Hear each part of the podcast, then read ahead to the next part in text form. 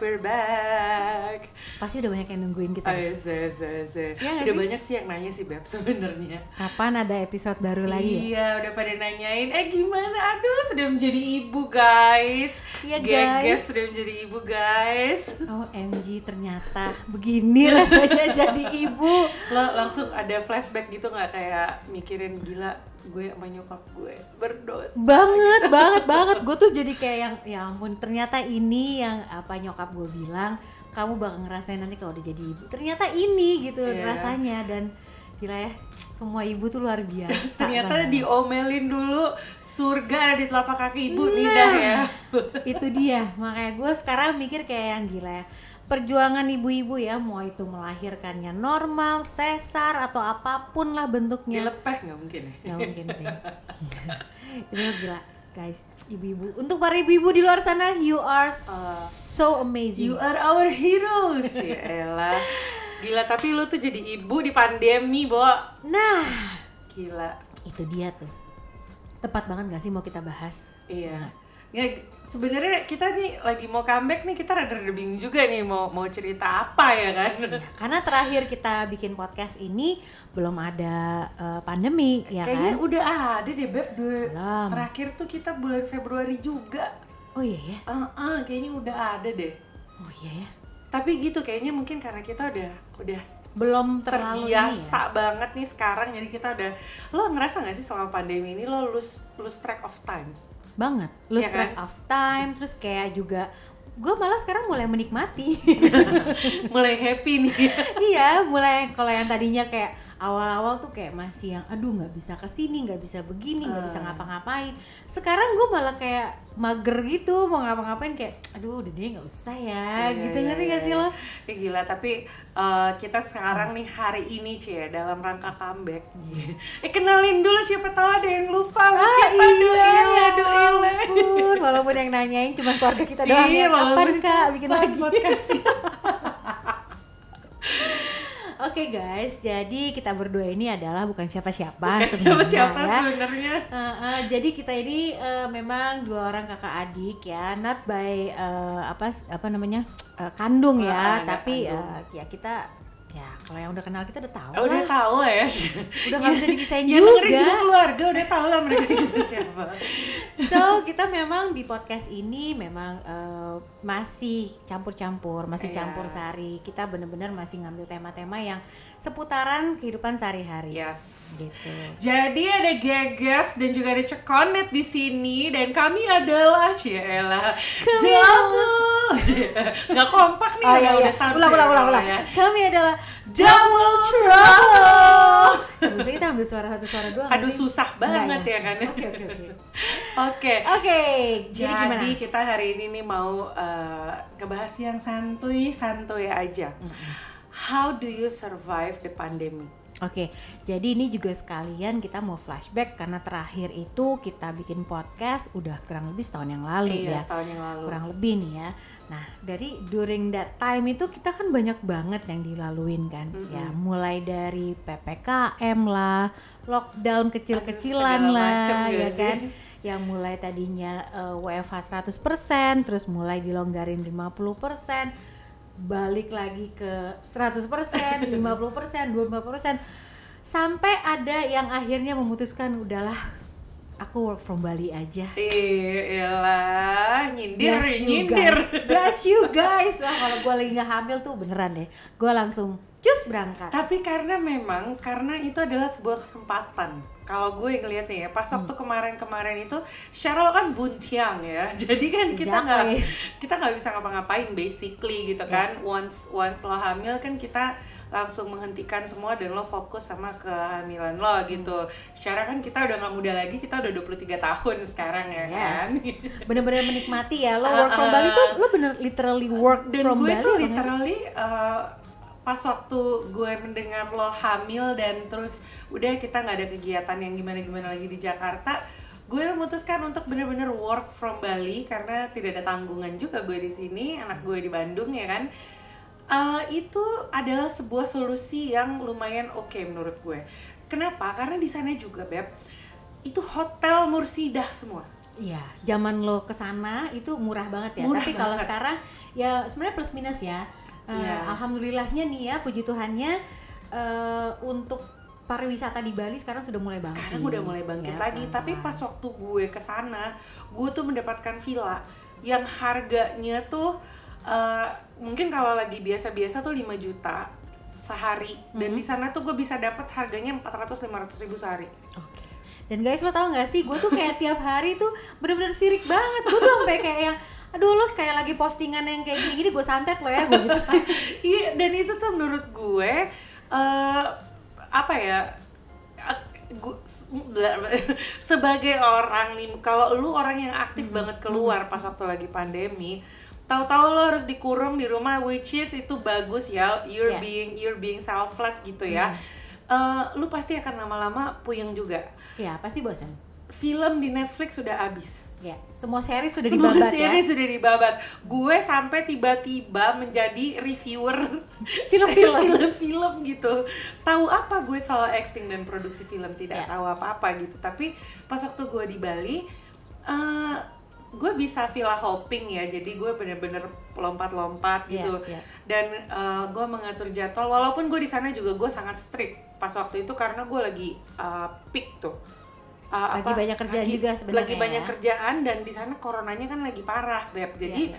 gue bener-bener ya di villa doang gue nikmatin villa gitu tapi itu bener-bener aduh gila deh Untuk orang kayak lo, lo bener-bener menikmati itu ya. bener-bener Bener-bener ibaratnya ya udah lo memanfaatkan eh, villa itu dengan segala fasilitasnya tanpa perlu Iya. keluar-keluar gitu kan. dan itu gue uh, gue lakukan dalam rangka atas nama menjaga kewarasan gue Kalau kata orang sekarang healing. yes ya healing kan? healing healing doggy puppy you know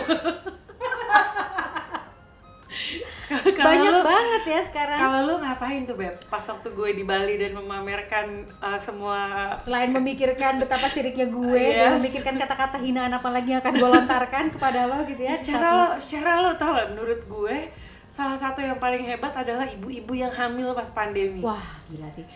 Memang bener ya Beb, secara pandemi kemarin itu bener-bener eh, ya berbagai macam cara orang untuk melaluinya kan. Ada Betul. yang eh, surviving dengan cara kayak lo tadi gitu. Ya udahlah, gue tetap harus bekerja, tapi gue mungkin punya privilege untuk bisa kerja dari Bali. Yes. Tapi mungkin ada juga yang eh, nggak bisa kerja justru karena ada pandemi ini yang mungkin pekerjaannya itu relate-nya sama ketemu orang atau Mm-mm. memang harus meeting keluar gitu tapi karena pandemi udah nggak bisa walaupun ada ibaratnya banyak lah ya kayak platform-platform digital yang memang memungkinkan kita untuk tetap connected tapi tetap aja beda banget rasanya nah gue pada waktu itu eh, pas pandemi kemarin kebetulan gue hamil ya Iya. kan gue adalah salah satu korban pandemi Pandemi baby.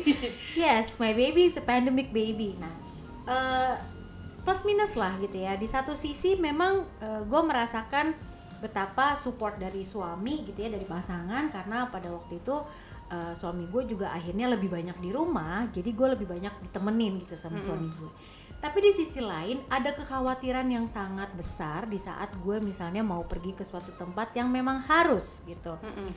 Ya contohnya pada waktu pandemi kemarin kebetulan eh, sayangnya gue kehilangan eh, mama mertua ya Yes. kan ya karena pandemi gitu ya karena corona. Nah itu sangat-sangat dilematik loh gitu. Di satu sisi gue lagi dalam keadaan hamil dan berarti gue tidak bisa menemui Mm-mm. eh, beliau Nggak gitu ya bisa jaga ke rumah sakit juga nggak kan bisa waktu jaga itu ya. heeh, dan pada terakhir-terakhir pun waktu masih di rumah aja gue nggak bisa ke rumah gitu nggak bisa ke sana karena menjaga kehamilan gue jangan sampai gue tertular dan lain sebagainya gitu Mm. Secara gue mau nengok lu aja gue boleh. PCR. Luar biasa. exactly gitu memang ya di satu sisi memang gue harus Yes, menjaga yes. kan tapi di sisi lain memang eh, namanya ibu hamil tuh sensitif banget kan Iya. gue juga kayak butuh hiburan, butuh eh, ketemu orang-orang yang memang bisa eh, membuat gue tetap waras gitu kan ya, nggak cuma di rumah terus dikurung di rumah terus.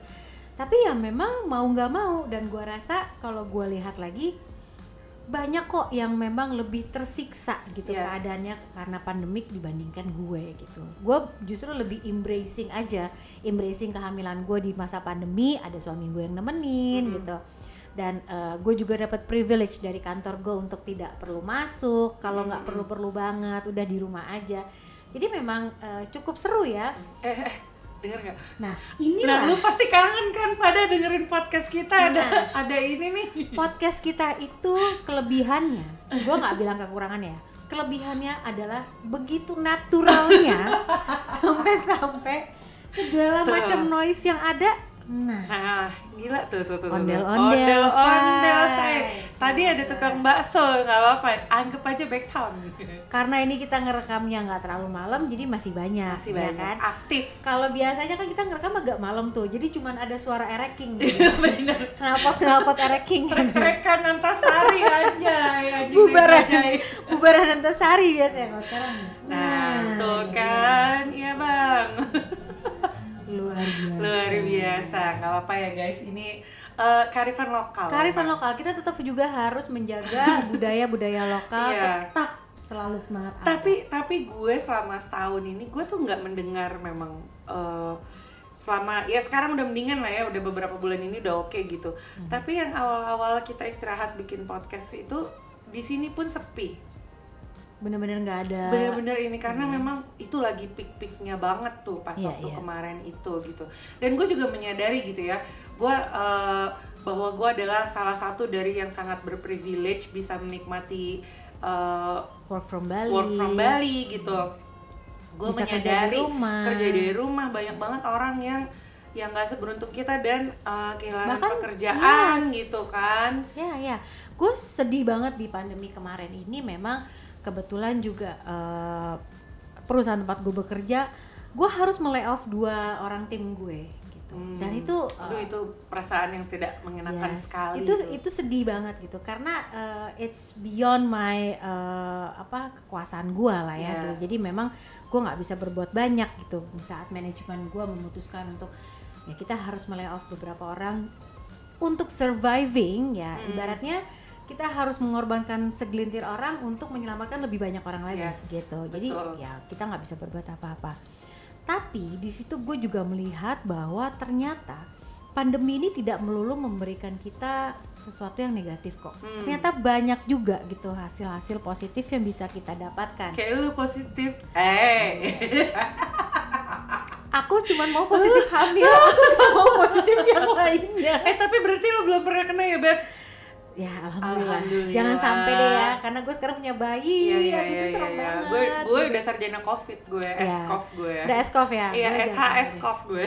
Jangan sampai deh gue ya. Hmm, terus terus karena ya itu juga gue juga agak trauma karena mama mertua gue kan meninggal karena eh, covid gitu dan itu sedih banget gitu gue yakin juga banyak juga mungkin pendengar kita yang merasakan dampaknya covid yang tidak menyenangkan bahkan Iya. menyedihkan gitu kan tapi ya eh, kita bisa sama-sama melewati ini juga penuh dengan berbagai macam eh, apa ya kekuatan kali ya Iya. kekuatan doa yang sedang yang kita nggak tahu kalau kita bisa melewati ini, Exactly. yang, yang kita nggak tahu kalau kita punya gue sih ngerasa banget yang namanya pandemi ini ngerubah cara hidup kita benar benar banget ngerubah cara kita bersosialisasi dan berinteraksi sama orang Setuju. ya walaupun nih sekarang ya kalau gue perhatiin eh, kita kan udah masuk 2022 nih. Ya.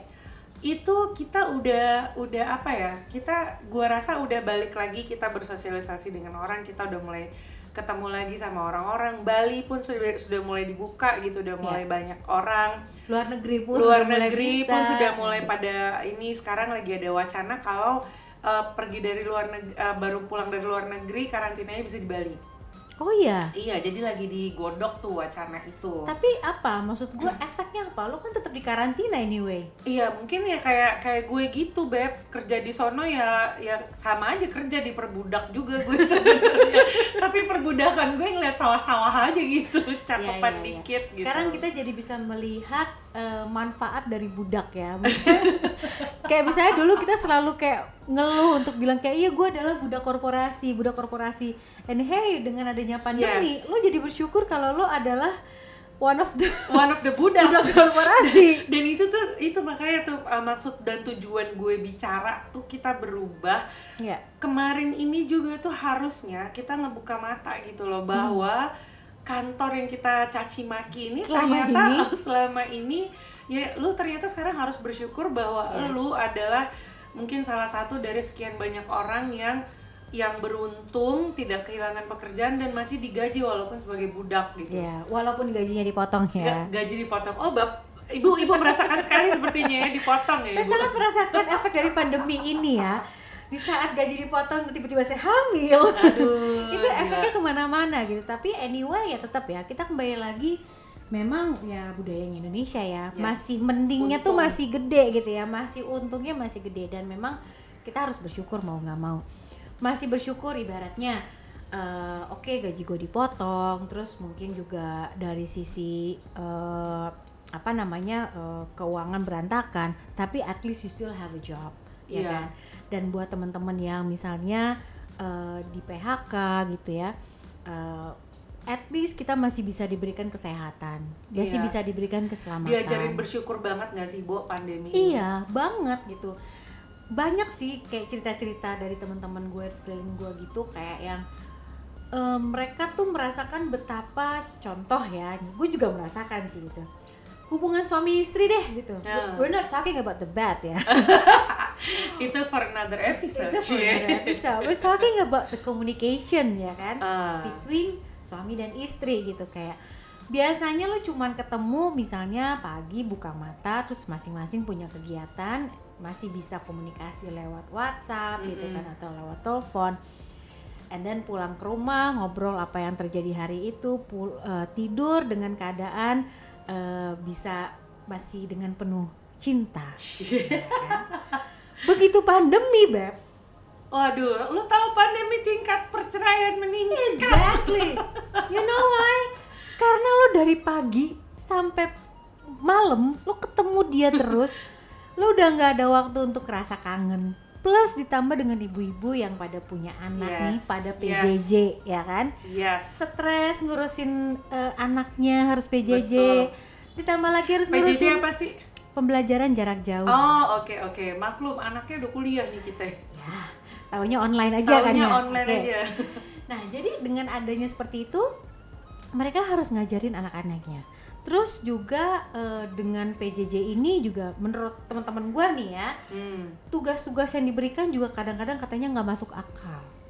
Iya iya iya. Susah ngerjainnya. Sebenarnya mungkin bukan gak masuk akal ibu-ibu. Emang lu aja badar. Kebanyakan clubbing lu waktu zaman sekolah. Sekarang suruh ngajarin anak kagak bisa. Nah, di situlah kita menyadari betapa peran seorang guru Yes. itu sangat yes. berarti. Sekali lagi deh buat ibu-ibu dan guru Nah, nambah nih ya kan? heroesnya kita. Buat para guru kalian luar biasa. Gila. Dan Ya gue kan? tuh gue tuh ngelihat ya uh, banyak gitu di TikTok, di YouTube gitu. Gue lihat betapa guru-guru berusaha sangat berinovasi gitu ya. Iya. Untuk bisa ngajarin uh, online itu dan ternyata itu bukan sesuatu hal yang mudah. Iya. Bayangin aja guru-guru tuh juga mungkin kan kebanyakan ada yang nggak nggak cakap digital misalnya gitu kan. Dagi eh, gini juga nih Beb, misalnya nih ya, kita ngomongin soal itu dulu deh ya, soal eh, keadaan di rumah nih misalnya, Uh-uh. soal keadaan di rumah. Di satu sisi misalnya ibunya bekerja, dia harus work from home, dia bekerja. Ada suaminya bekerja juga. Nih si suami ini yang biasanya makan siang di luar kan harus dilayani dia makan Yes. siangnya di rumah. Berarti kan harus ada masak, walaupun ada mbak, at least kan lo tetap harus ngatur nih masak apa dan segala macam. Plus harus dampingin si anak untuk belajar gitu kan, dampingin si anak untuk belajar. Sekarang gini, lo ngajarin anak lo aja, misalnya satu atau Ah. dua, udah mau pecah pala. Lo bayangin tuh mental para guru setiap hari ngadepin anak-anak ya Segitu kan? banyak. Segitu banyak. Mereka sangat luar biasa. Gue mau tepuk tangan sekali lagi. Luar biasa memang. Kalian emang guru tuh luar biasa. Pak Presiden tolong dinaikin gajinya para guru kita. Mereka luar biasa. Di situ kita jadi menyadari peran-peran orang-orang sangat berarti. Yes. Guru satu, kedua petugas medis. Oh iya, aduh gila gue petugas medis sih gue Gila men. Itu luar biasa. gue tuh pas lagi kena covid jadi kan gue eh, kena klaster kantor Hmm. jadi kantor gue nggak ada angin nggak ada hujan tiba-tiba positif ternyata hujan dan anginnya itu adalah ada satu yang mudik nggak bilang-bilang Nah, itu juga tuh. Oh, WFH mudik gitu, nggak bilang-bilang balik-balik bawa virus. Ya gue nggak nyalain lah namanya kita lagi pandemi. Ya, Dan bisa kita dari mana aja Bisa dari mana aja gitu. Jadi eh, maaf Arif aku nggak nyalain. Tetap di mention ya.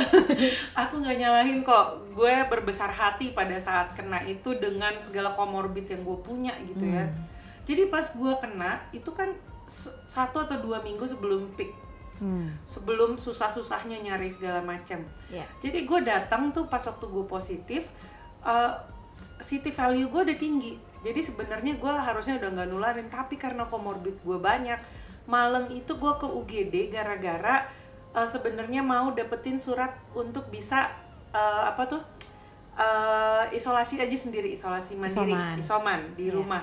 Jadi pas gue lagi ngomong sama dokternya udah kayak ini beb kayak di film eh, apa tuh zombie zombie gitu gua. Di depan rame di UGD terus gua harus ngibas ngibasin saya positif saya positif gitu. Baru gue dikasih jalan masuk. Oke. nah I can see clearly itu nakes tuh udah semuanya udah capek. Ya. udah wah kantong mata beb gak ada yang ngalahin beb Iya, iya, iya. Itu ada yang ngalahin lo masuk stadium ya? Beuh, kalah itu juga itu cucu-cucu opa naga kalah semua tuh Oke, oke. Nah itu gue pas pas gue gue lihat betapa mereka udah capek. Mm-mm. Tapi mereka tetap berusaha ngelayanin gue, bukan ngelayanin mer- ngemeriksa gitu ya. "Eh, Ibu gimana Eh, rasanya sekarang gimana? Oh saya nggak apa-apa. Saya rasanya baik-baik aja gitu. Cuma saya ada demam sama saya agak light headed gue bilang gitu. Iya, iya. Jadi pas dia periksa apa segala macam saturasi gue udah 89 kebetulan. Wow. Waduh, itu dokter Arya apa siapa namanya? Langsung di- pas diinin langsung tiba-tiba dari satu orang yang meriksa gue langsung empat orang. Begitu gue kasih tahu saya komorbid, saya punya ini jantung ini apa segala macam, itu langsung kayak ada Sigap, tenaga sigap, sigap. lagi, iya, sigap seret gitu. Terus gue dibangunin, dibangunin bangsal, bu. Hmm. Tapi gue bilang enggak dok, saya rasanya masih kuat duduk. Gue bilang gitu. Hmm. Tapi di sini tempat duduk hanya ada di di Bangsal. bukan di pinggir meja resepsionis Oh, Oke. untuk pakai oksigen. Gue bilang Hmm. nggak apa-apa deh dok. Daripada saya tiduran, saya takut kagak bangun. Nggak lucu ya? Iya. Merem bentar tiba-tiba kok hilang eh, detak jantung. nih, masa gue udah ngalahin kanker berapa kali? Masa gue matinya gara-gara corona ya kan?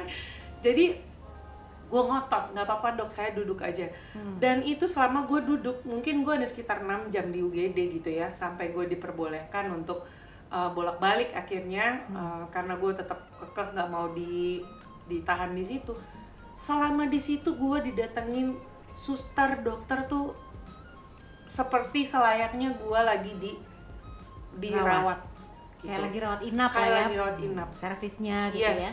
dan menurut gue dan itu gue gratis semua Pakai BPJS? enggak Lo nggak punya BPJS? nggak punya memang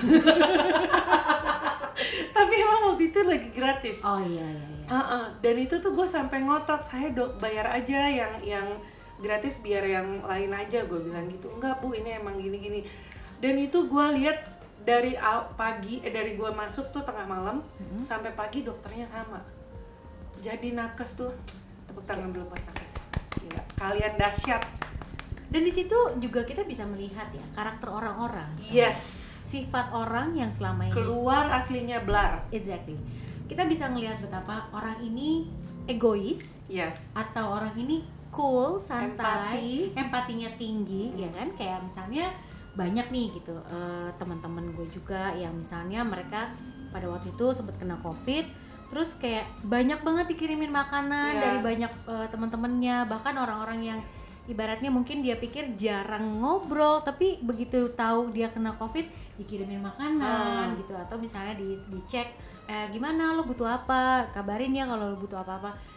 Di situ kita bisa tahu tuh yes. mana sih bener-bener yang temen lo gitu ya. Benar atau mana juga yang memang orang yang ya udah high bye aja sebenarnya temenan sama lo cuma pas lagi oke aja iya gitu. iya betul betul betul kita kelihatan lah mana yang egois gitu kan ya gue bisa melihat orang-orang egois itu adalah orang-orang yang memang sebenarnya punya privilege untuk tidak keluar Heeh. ya tapi eh, tetap memaksakan just because they want to atau Mm-mm. just because eh, mereka pengen liburan atau pengen senang-senang menurut gue Iya, iya, ya iya, pada iya. waktu itu karena lagi peak-peaknya gitu loh di mana kita semua harus ada di rumah sebenarnya untuk menjaga diri dan menjaga orang lain juga tapi ya dia memilih untuk tetap keluar Iya. tetap eh, apa namanya eh, apa ya maksudnya tetap tidak menghiraukan prokes gitu loh menurut gue Betul. itu sangat-sangat selfish sih Iya gue pas yang waktu awal-awal itu tuh gue ngerasa eh, sebenarnya semua orang harus saling memaklumi. Iya. Semua orang tuh harus saling memaklumi. Asal yang penting jangan jangan egois egois banget gitu. Iya iya benar-benar. Kayak kayak gue mungkin terdengar tone deaf gitu ya. Lagi lagi pandemi terus gue pergi ke Itu Bali. istilah untuk- banget sih kayak istilah jaksel deh. Oh kan anak jaksel. Iya, maksudnya kayaknya nggak enak didengar gitu mungkin gue eh, apa sih namanya lagi pandemi terus gue ke Bali untuk kerja untuk ini gitu. Tapi gue selama gue di sana memang gue benar-benar memperhatikan eh, prokes. Iya. Dan gue tuh nggak keluar dari villa sama sekali. Even ke pantai aja gue nggak pergi. Mhm. Satu karena gue udah ngalamin, kedua karena gue tuh komorbid banyak dan ketiga gue takut jadi carrier Iya iya. itu. Nah tapi memang gue ngerasa kayak eh, di pandemi ini yang paling baik adalah supaya nggak berantem melulu, kita saling memaklumi selama ini orang nggak nggak Merugikan. nggak merugikan banget gitu. Iya, Misalnya nggak mau pakai masker, Iya. apalah ada aja alasannya. Iya, sebenarnya juga di sisi lain dengan lu pergi ke Bali itu berarti kan lu juga memberikan pengharapan untuk pariwisata di sana Yes. kan. Dengan catatan adalah lu juga tetap menerapkan prokes Yes. dan eh, ibaratnya di sana pun juga mereka tetap eh, bersih-bersih gitu loh, Iya. disinfektan dan segala macam dan tidak banyak kumpul orang gitu di sana. Jadi lu masuk Bali bersih, keluar Iya. Bali bersih. Sorry gitu. gue di villa beneran sendirian kok. gue itu freak gak sih? gue tuh sampai tapi gue sampai diketawain emang lo ngapain di villa sendirian ya gue kerja gue literally kerja Iya, gue iya. bangun jam jam 10 gue udah start kerja gitu apalagi kan gue ada webinar itu Iya. jam 6 pagi gue udah bangun udah mempersiapkan hal-hal sampai sore gitu dan malam ngapain berenang doang gue di villa Kayak cuma menyiapkan apa memindahkan kamar lo ke Yes. villa di Bali aja nggak sih? Ah, kayak gitu doang gitu Iya, iya. terus malamnya ya ada bonus ya gue berenang sambil ngeliatin Bintang. bintang sambil nyanyi dan pasar moon shining kayak gitu Eh, versi aja Indonesianya apa sih? Gue jadi inget ya tiba-tiba. apa ya Ah, Dan pasar moon. Na na na apa ya na na. yang pasti bukan bulan dan pasar enggak Enggak, bukan bukan. Ya udah nanti kalau misalnya ada inget eh, message kita ya. oh yes lah tapi tapi lu punya hobi baru nggak yang lo temukan pada saat lagi pandemi Apa ya? Nggak ada sih gue. Gue tetap melakukan hal-hal yang biasa gue lakukan. Ya gue tetap eh, mungkin bukan hobi baru ya, tapi lebih kepada kegiatan. Ah, ah, kegiatan ada nggak yang kegiatan baru yang lo lakukan gitu yang sebelumnya pas sebelum pandemi tuh lo nggak biasa kayak gitu gitu selain prokes ya Iya. Uh, dan sekarang tiba-tiba lagi pandemi dan you do that for the sake of your sanity gitu Sebenarnya gue ya, kalau misalnya perkara masker, dari sebelum pandemi pun gue Hmm. iya ya gue tahu tuh lo masker. maskeran mulu ya kan gue kan emang orangnya agak freak gitu ya maksud gue ke- kalau untuk itu gue udah terbiasa lah pakai Mm-mm. masker. Cuman yang gue nggak terbiasa adalah all day-nya di kantor pakai masker. Ah. Itu agak ngap juga. Nah cuman di saat pandemi kemarin itu karena satu sisi gue hamil gue juga harus memakan makanan yang eh, sehat ya gue jadi lebih banyak masak. Hmm. karena setiap hari masak jadi kan harus uh, terus mikir nih gue mau masak apa gue mau makan apa gitu kan jadi gue lebih banyak explore menu gitu. Ah. Gue sih dimasak sih. Sama uh, kebetulan juga kemarin gue sempet nulis. Ah Gitu. nice. That's nice. ya jadi gue kebetulan nih ya karena gue kan suka banget nulis tapi nggak pernah punya waktu. Selalu sibuk dengan budak korporasinya gue ya kan? Juga sama dengan budak percintaannya gue. Yes. jadi kayak ya udah gue nggak punya waktu aja cuman ada di kepala gue. Nah kebetulan di pandemi kemarin gue punya banyak waktu eh, selesai gue ngisi eh, webinar yang sama lo itu Yes. sama eh, apa namanya sama kerja kerja juga kan ya WFH kan nggak terlalu banyak ya Iya. gitu ya loadnya mungkin banyak teman-teman yang pada bilang gue tuh WFH lebih banyak deh kerjaannya dibandingin eh, pas lagi pas WFO. lagi WFO gitu kan maaf saya waktu itu lagi hamil. Jadi saya dapat privilege. Iya bener bener WFH-nya nggak terlalu banyak kerjanya. Jadi ya itu gue masak terus gue nulis gitu. Dan eh, nulisnya random aja. Mungkin berharap kayak pengen tiba-tiba punya novel gitu kan Iya, ya. mana iya, gue iya, iya. tahu kan. Who knows ya, tapi Iya. itu bagus loh. ya akhirnya itu juga menjadi salah satu eh, stress release gue jadi kayak salah satu healingnya gue. Iya, iya, sedap. iya. healing. Healing, what's healing, up with healing sih. gitu jadi gue rasa setiap orang punya banyak cara ya untuk Iya, iya, healing iya. ya nggak mesti jalan-jalan nggak mesti uh, work from Bali gitu ya Iya. bisa juga ada juga yang mungkin jadinya hobi berkebun Oh iya ya ada tuh. Wah. Ada teman gue tuh si Ricky no. Rumahnya sampai udah jadi ini. jadi kebun jadi kebun. Dinamain Bo itu satu Iya. persatu. banyak banget beb jadi ada yang hobinya berkebun ada yang hobi ikan cupang Iya betul. Tuh, sempet in banget kan dan pada akhirnya hobi-hobi itu malah bisa memberikan mereka penghasilan Yes. tambahan Sofia juga melakukannya Nah, luar biasa. itu dia Sahabat gue. kita Sofia. akhirnya bisa jadi uh, mungkin yang tadinya mikir nggak kepikiran deh gue buat nyentuh tanaman yang di depan Iya, rumah iya, gue aja iya. itu rumput aja nggak pernah gue potong ibaratnya tapi begitu pandemi karena nggak ada kegiatan akhirnya ya udah uh, mau nggak mau gitu kan uh, nyari hobi-hobi yang bisa dikerjakan di rumah gitu. Nah salah satunya juga gue nulis. Nulis itu juga menurut gue salah satu penyaluran yang lumayan membantu gue Iya, ya, banget. gitu. Karena gue suka nulis terus gue juga bisa menghabiskan waktu gitu. Nggak bosen karena kan eh, yang namanya di rumah sehari dua hari oke seminggu oke sebulan ya oke lah masih bisa di stretch gitu. Begitu udah berbulan-bulan Mulai everybody mati gaya. to Iya. mulai gila ibaratnya gitu ya. Bener-bener kayak yang gue harus ngapain lagi? Ya kan? Ketemu sama suami yang tadinya awal-awal nih aduh seneng banget kita bersama-sama terus di rumah peluk-pelukan kadel-kadelan ya kan? Lama-lama jadi kayaknya Lu lagi, lu lagi, muka lu lu, ada, lagi, muka lu. kerjaan keluar. Nggak ada meeting nggak ada zoom nggak ada apa gitu. Ya kan? Jadi kayak nggak ada ruang buat rindu Iya sejak sih. Leto. Oke.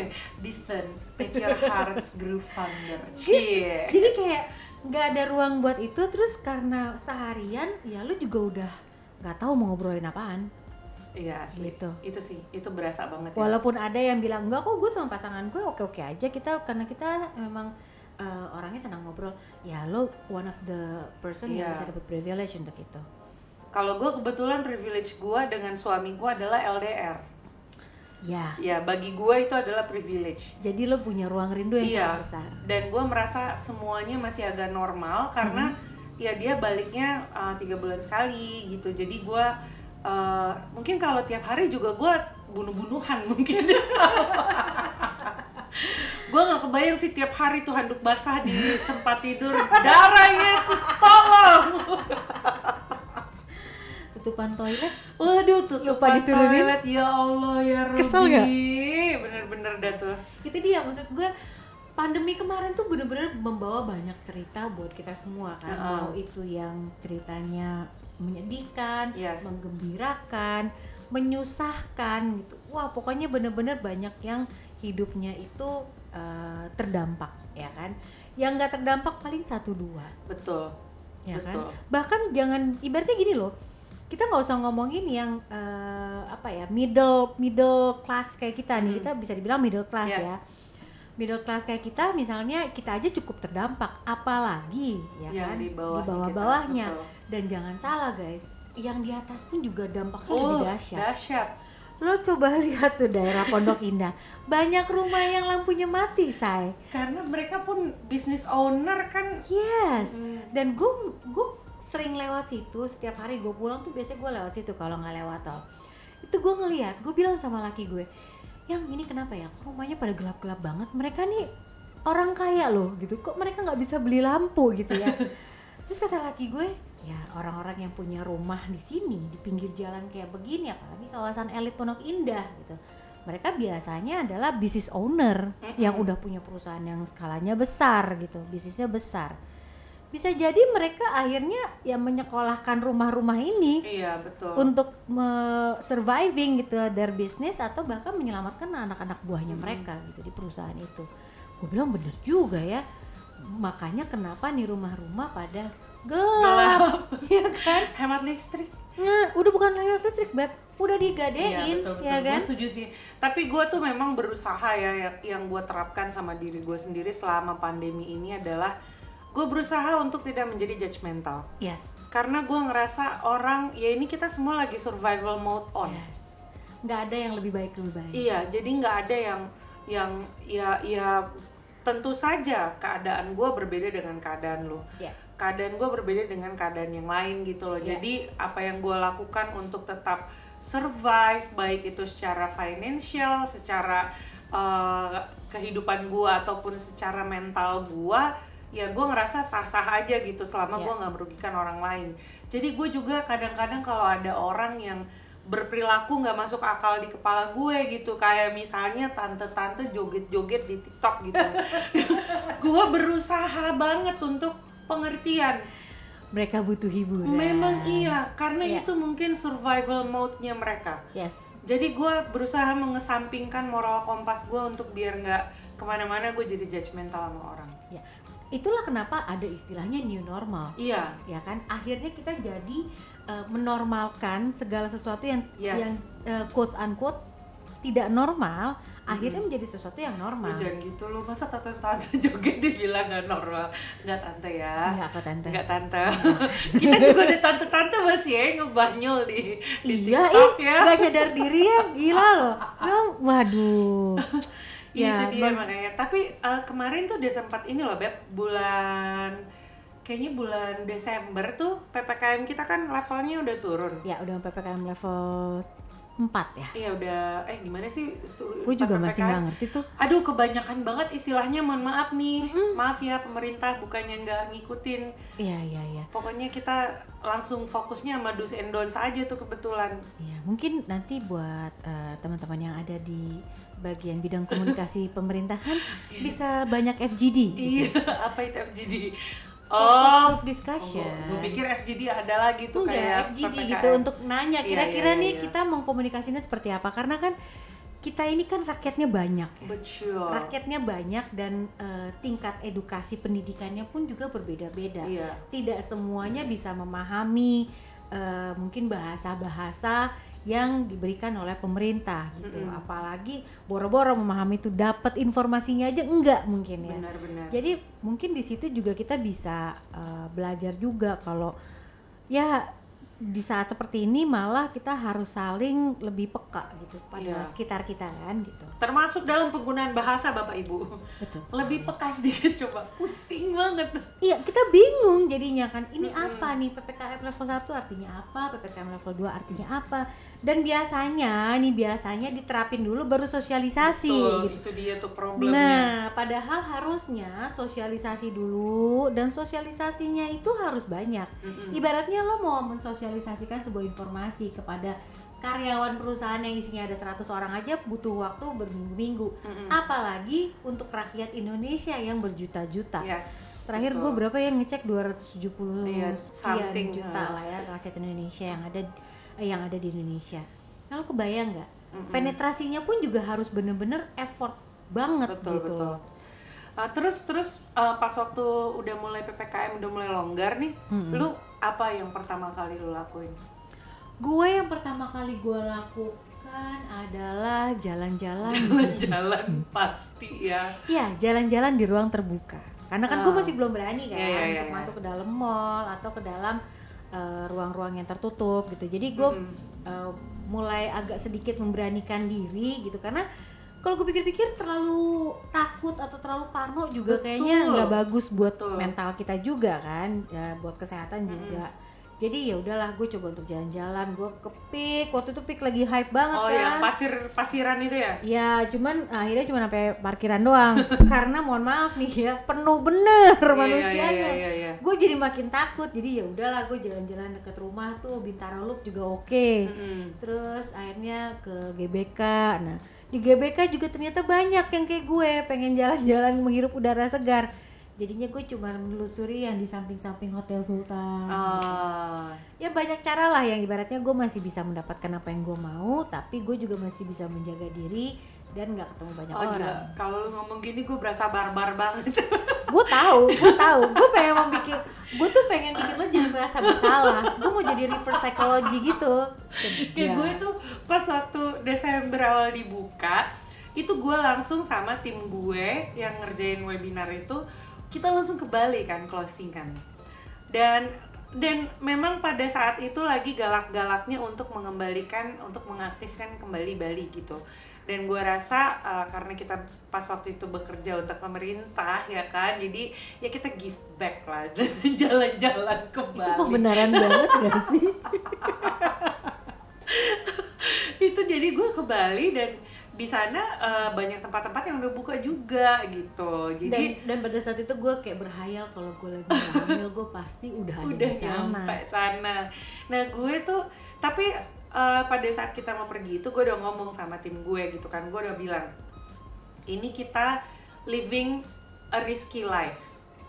A risky lifestyle nih sekarang gitu. Jadi kalau nanti kita nyampe sana uh, tetap pakai masker dan lain-lain tapi kalau lu udah ada yang ngerasa nggak enak badan lu harus kasih tahu ke kita supaya kalau memang kita ternyata terpapar atau apa kita bisa bisa cari solusi yang dengan lebih cepat gitu. Jadi uh, gue ngerasa kayak di sekitaran gue walaupun rada-rada ya pengen clubbing juga kan gue waktu itu kebetulan nih. Dan masalahnya kita berusaha untuk tidak melanggar hukum. Jadi ya kita hanya pergi ke tempat yang emang udah buka untuk umum. Oke. Ah, ah, gitu. Makanya pas waktu kita pergi ya memang itu udah dibuka tempatnya kebetulan. Emang ada yang belum boleh buka terus tetap buka? Ada. Banyak ya? Oh banyak. Dari masih ppkm yang levelnya masih tinggi juga udah banyak yang kayak gitu gitu. Iya. nah terus gue gue pas waktu udah mulai dibuka udah tuh gue sama temen-temen gue sama tim gue kita pergi ke Bali. Tapi ada satu yang uh, gue lakukan begitu udah mulai beres semua maksudnya ppkm udah mulai turun adalah gue mulai nge-gym Bu. luar biasa. luar biasa ppkm ini menyadarkan saya betapa saya sudah makin berubah mendekati menjadi babi.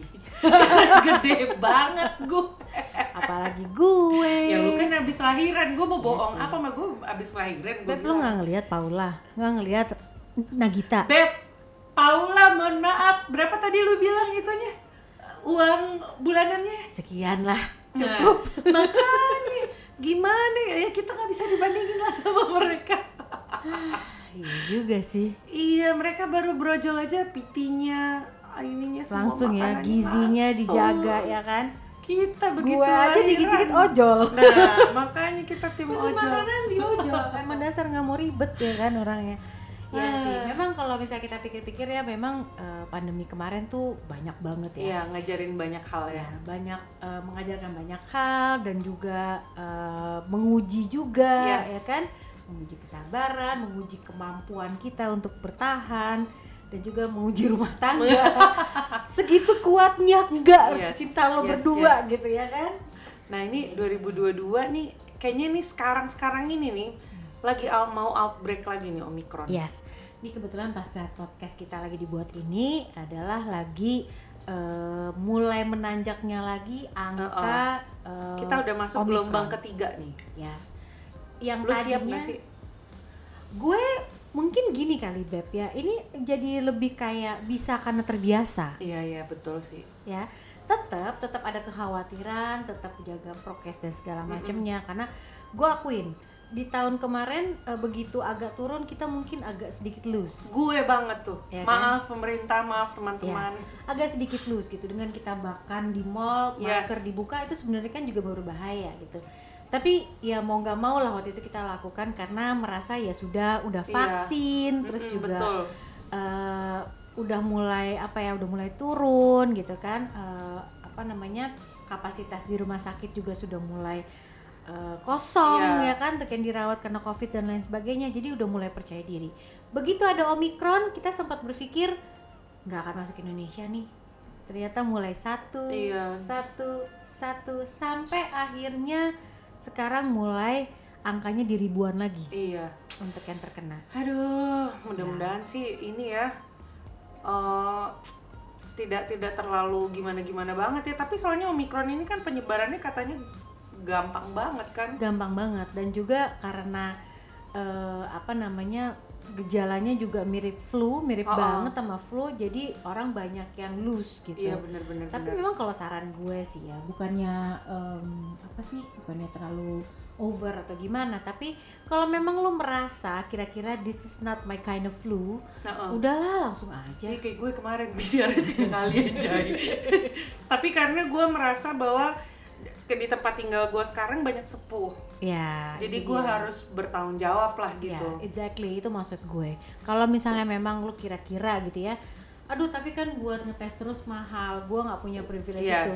Then you have to do precaution. Iya benar. Gitu. Itu Kalau emang lo nggak punya eh, apa namanya eh, privilege-nya, kita nyebutnya privilege ya, Iya, karena betul. nggak melulu tentang uang gitu.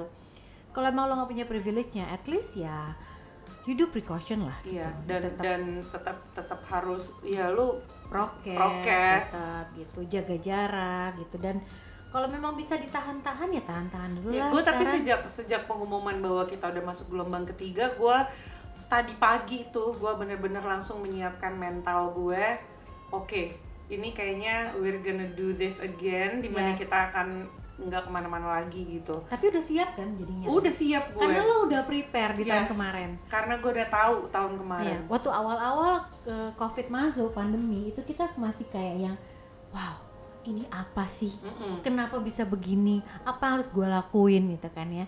Tapi karena sekarang kita udah eh, terlatih bisa karena terbiasa ya mau nggak mau kita udah lebih Yes. ya udah lebih istilahnya paling nggak ngerti lah apa yang harus dilakuin ya nggak sih Iya banget banget.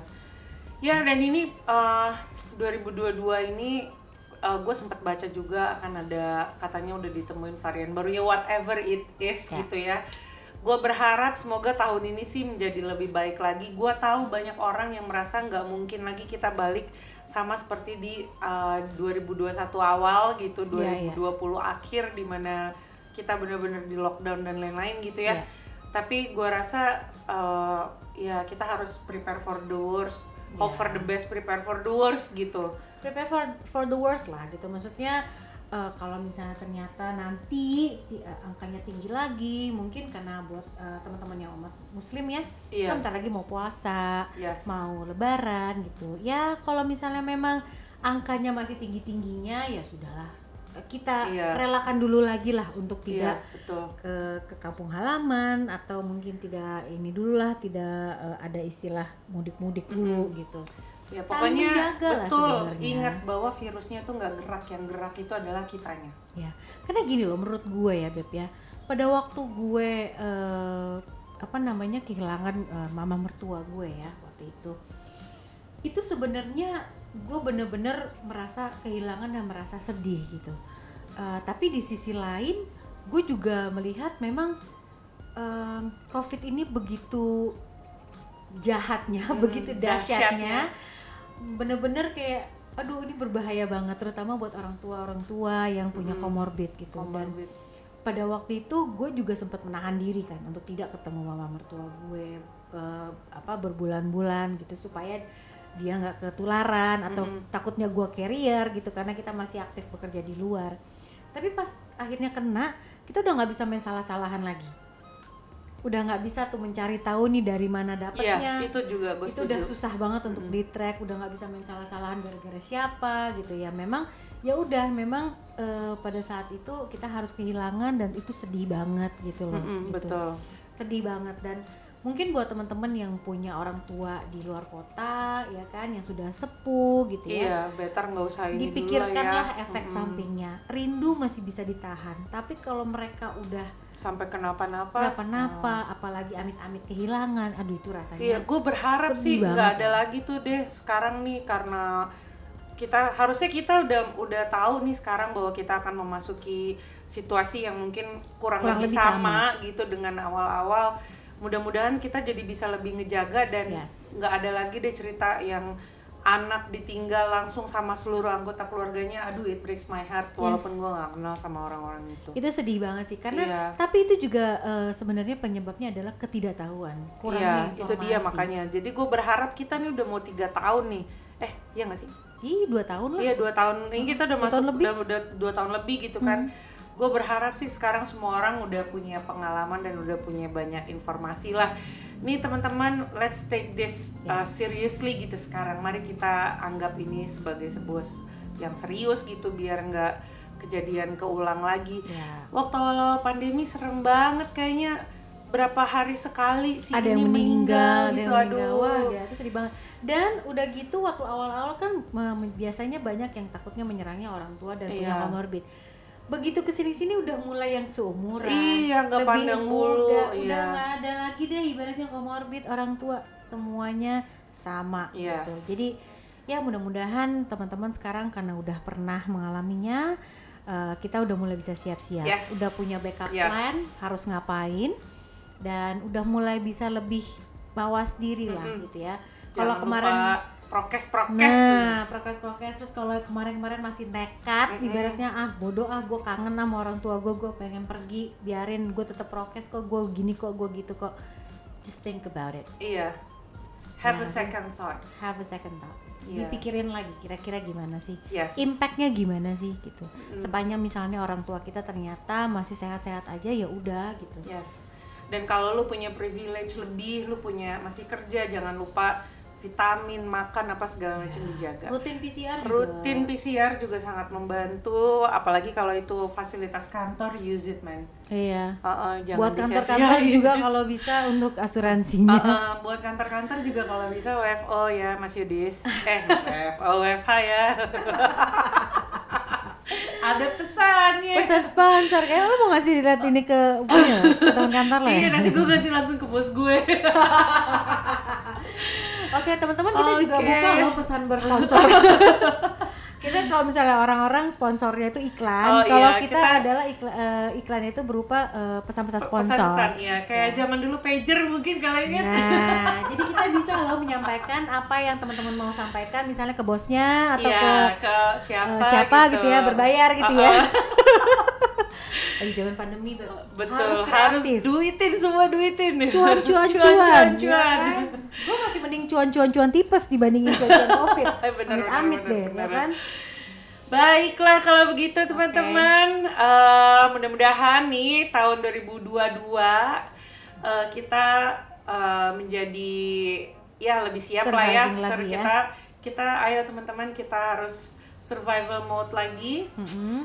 Jadi jangan lengah, tetap prokes. lebih banyak empati juga lebih banyak ya. empati lihat-lihat di sebelah kanan kiri dan kalau nggak perlu ke mana-mana kayaknya mendingan ntar dulu ya tahan tahan dulu lah tahan tahan lah ibaratnya eh, kalau masalah kita ngomongin healing healing ya Iya. semua orang juga butuh healing yes nanti ya kita bisa lakukan setelah kalau sudah ini semua semuanya berakhir. berakhir. ya kita sekarang cari alasan dulu buat healing sakit. Nah, maksud gue kalau emang lu punya udah punya budget nih buat healing ke Bali, Uh-uh. ya lo tahan dulu sampai budget lo bisa ngumpul pergi ke Turki. Iya, ya kan? It's my It's dream. my dream, nah. Untuk pergi ke Kapadokia. Kapadokia gue bertahun-tahun ya si bodoh geografi ini Kapakodia, Kapakodia, Masya Allah Pantes gue kagak jadi kinan Iya makanya karena lo nggak ngerti apa yang Nggak lo jadiin dreamnya. nggak ngerti gitu. Oke lah teman-teman, mudah-mudahan em, episode kita kali ini yang comeback Iya, versi comeback versi comeback. agak serius memang, tapi karena ya sometimes you have to take life Iya. seriously, sometimes ya bercandaan Uh, aja. kita kita uh, merasa episode kali ini adalah um, episode yang harus dilakukan Ya. karena um, mau ngasih tahu teman-teman bahwa kalian tuh nggak sendiri Iya. merasa merasa tidak waras merasa kesepian struggle hopeless ini Hmm. teman-teman nggak sendiri mungkin kalau teman-teman ngelihat kita uh, mungkin ada orang lain di Instagram rasa-rasanya kelihatannya bagus apa segala macam belum tentu cerita sebenarnya adalah seperti itu Betul sekali. Jangan percaya apa yang Iya. tertera di media sosial. dan kadang-kadang mereka memposting sesuatu itu juga part of being grateful ya bisa part of being grateful, part of endorse juga Oh iya bisa juga part of endorse Mau nggak mau, Bo. ya betul sih? jadi uh, you should know kalau kalian butuh bantuan please seek for help cari bantuan kalau memang udah Ya. mentok banget uh, mental health juga mental health Itu penting banget matters tuh. ya Iya. teman-teman ingat di zaman-zaman susah seperti ini kalau rasa-rasanya mental health sudah terganggu mental health sekarang sudah bisa diakses dari BPJS jadi kalau udah ada pikiran yang aneh-aneh yang macam-macam please Seek find for help. help. Iya. Seek for help. FYI kita nggak buka konsul ya. Enggak, kita nggak buka konsul, jangan. Lo konsul sama kita malah tambah ruwet hidup stres. Kusut, beneran kusut. Udah lah. Baiklah kalau begitu teman-teman, terima kasih sudah mendengarkan 50 menit bersama dengan Cekonet. Geges di sini dan semoga kita semua selalu diberikan kesehatan, Amin. keselamatan ya itu yang Amin. paling penting. Dan jangan lupa di saat semuanya prokes dan lain-lainnya jangan lupa tetap berdoa. Iya, ya itu yang kan? paling penting. Itu juga Kembalikan kepada Tuhan. Betul sekali. Siapa pun Tuhanmu, Cia. Iya. Jangan cepet-cepet marah-marah ya. Kalau ada handuk basah ber- berkeliaran di lantai. Jangan lupa permaklumkan, maklumi. Nanti kita akan bahas di episode lainnya Oke. tentang kelakuan pasangan yang bikin kalian sebel. Baiklah kalau begitu teman-teman, terima kasih sudah bersama kami di 50 menit ini. Sampai kita ketemu lagi. Gagas dan Cekonet signing out. Bye. Bye.